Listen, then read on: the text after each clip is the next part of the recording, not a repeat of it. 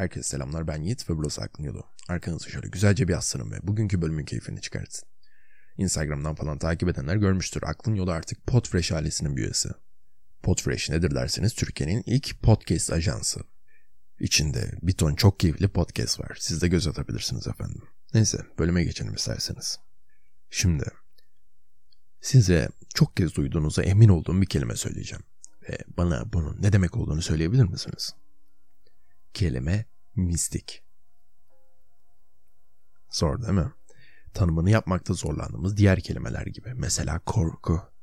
Korkuyu nasıl anlatabilirsin ki? Şöyle diyelim. Yeterince gelişmiş bir uzaylı dünyamıza geliyor ve ona insan öğretiyorsunuz. Sıra korkuyu anlatmaya geldi. Ne diyeceksin adama? Nasıl anlatacaksın? Anlatamazsın ki. Denersin sadece işte ne bileyim kork korkmuş gibi yaparsın falan. İşte mistisizmde, mistik olmakta insanlar arasında böyledir. Bir çeşit bilinç halidir. Tam olarak orada olamayız. Sadece açıklamak veya düşünmek istediğimizde içine böyle birkaç saniye gireriz sonra çıkmamız gerekir. Ama şimdi ben yine de size yapılmış en başarılı, en iyi tanımını söyleyeceğim.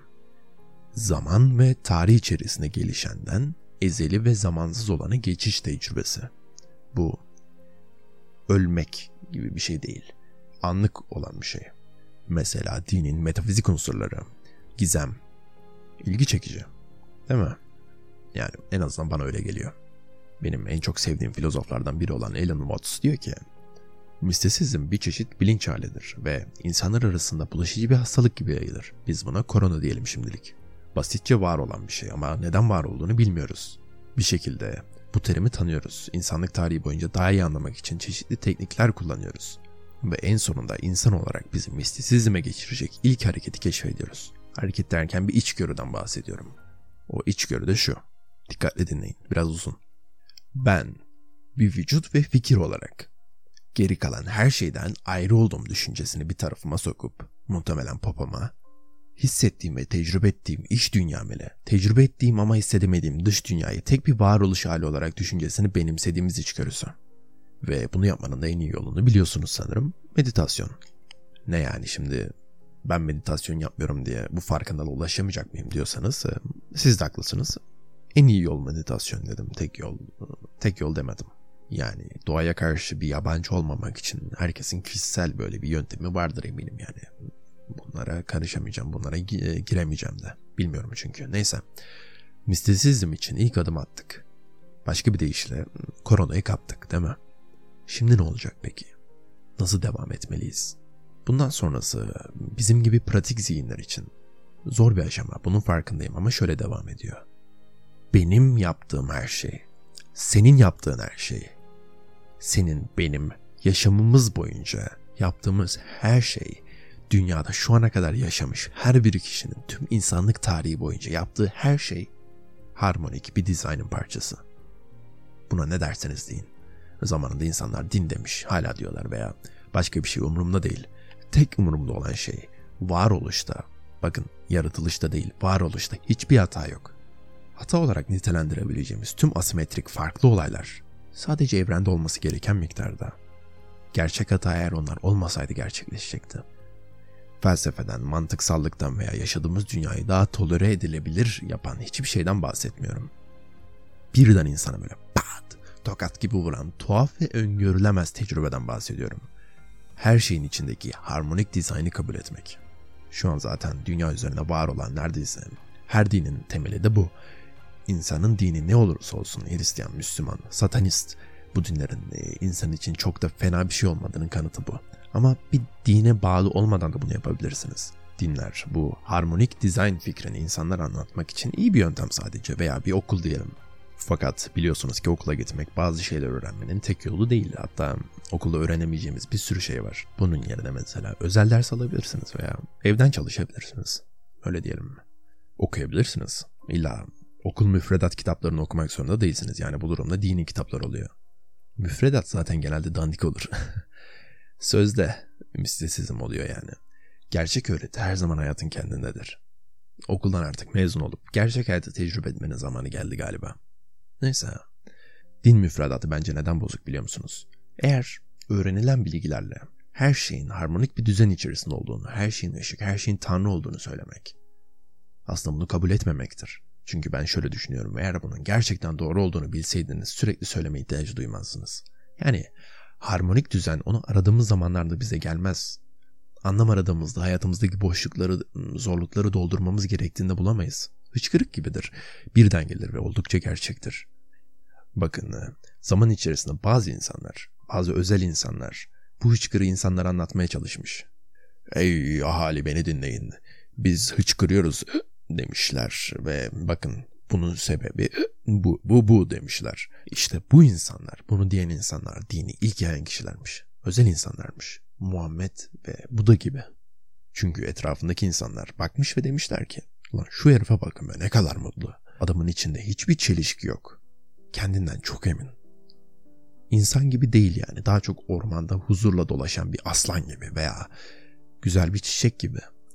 İnsanlar işte bundan etkilenmiş. Çünkü doğada bir çiçeğe bir şekilde bir polen konduğunda çiçek kendini açar değil mi? Onu kabul eder. Hiçbir çelişki veya şüphe yoktur içinde. Peki liseye giden bir kız böyle midir? Toplumumuzda kadınlar e, daha büyük bir baskıya maruz kaldığı için bu örneği verdim. Arkasında çok büyük bir sebep aramayın lütfen. Daha çok baskı, daha çok şüphe getirir. Liseli bir kızın doğasını düşünün. Bir de e, sabahları şarkısını söyleyen bir kuşun doğasını düşünün. İşte eğer birisi kendini bir kuş kadar gerçek hissederse ilk yapacağı şey ne olacaktır biliyor musunuz? Bunu gidip herkese anlatmak isteyecektir. Bunun en büyük örneği Budizm veya başka bir örneği de İslam. Böyle büyük insanlar etraflarına bakıyorlar ve diğer insanların yersiz korkularını, şüphelerini görüyorlar ve belki onlara bu komik geliyor.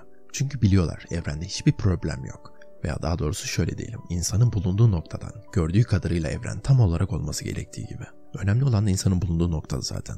Varoluşun sebebi sadece var olmak. Bunu bir insanın saçının rengine veya kaşına, burnuna baktığınızda anlayabilirsiniz. Çok basit, çok açık bence. Burada olmamızın sebebi sadece bu. Yaşamak. Bu paniğe ne gerek var? Neyi anlamaya çalışıyoruz?